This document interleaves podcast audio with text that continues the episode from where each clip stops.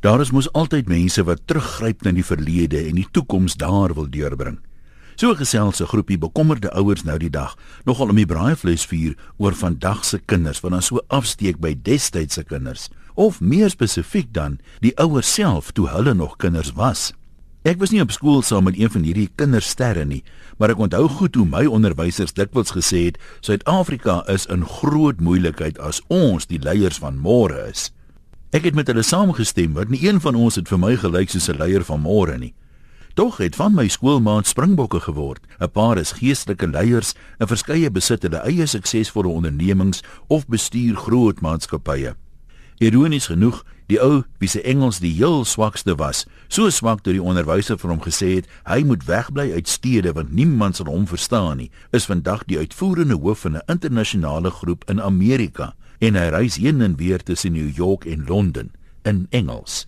Maar terug om die vuur. Een van die paas maak die opmerking dat die army van ons manne gemaak het en dis omdat daar nie meer militêre diensplig is nie dat vandag se jong mense so vrotsig is.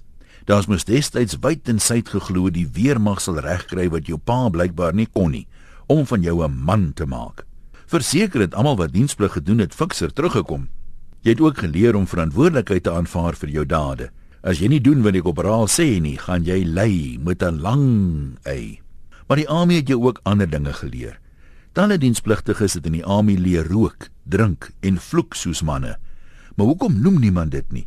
Of het ons gerieflikheidshalwe vergeet? Ek onthou nog hoe alkoholiste anoniem ons weermagbasis besoek het om ons te waarsku teen die gevare van drank.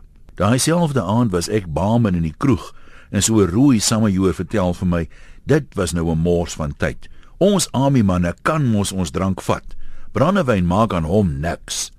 Almal wat diensplig gedoen het, behoort te onthou hoe 'n mooi voorbeeld van man wees die koperhaals van ons gestel het met hulle taalgebruik.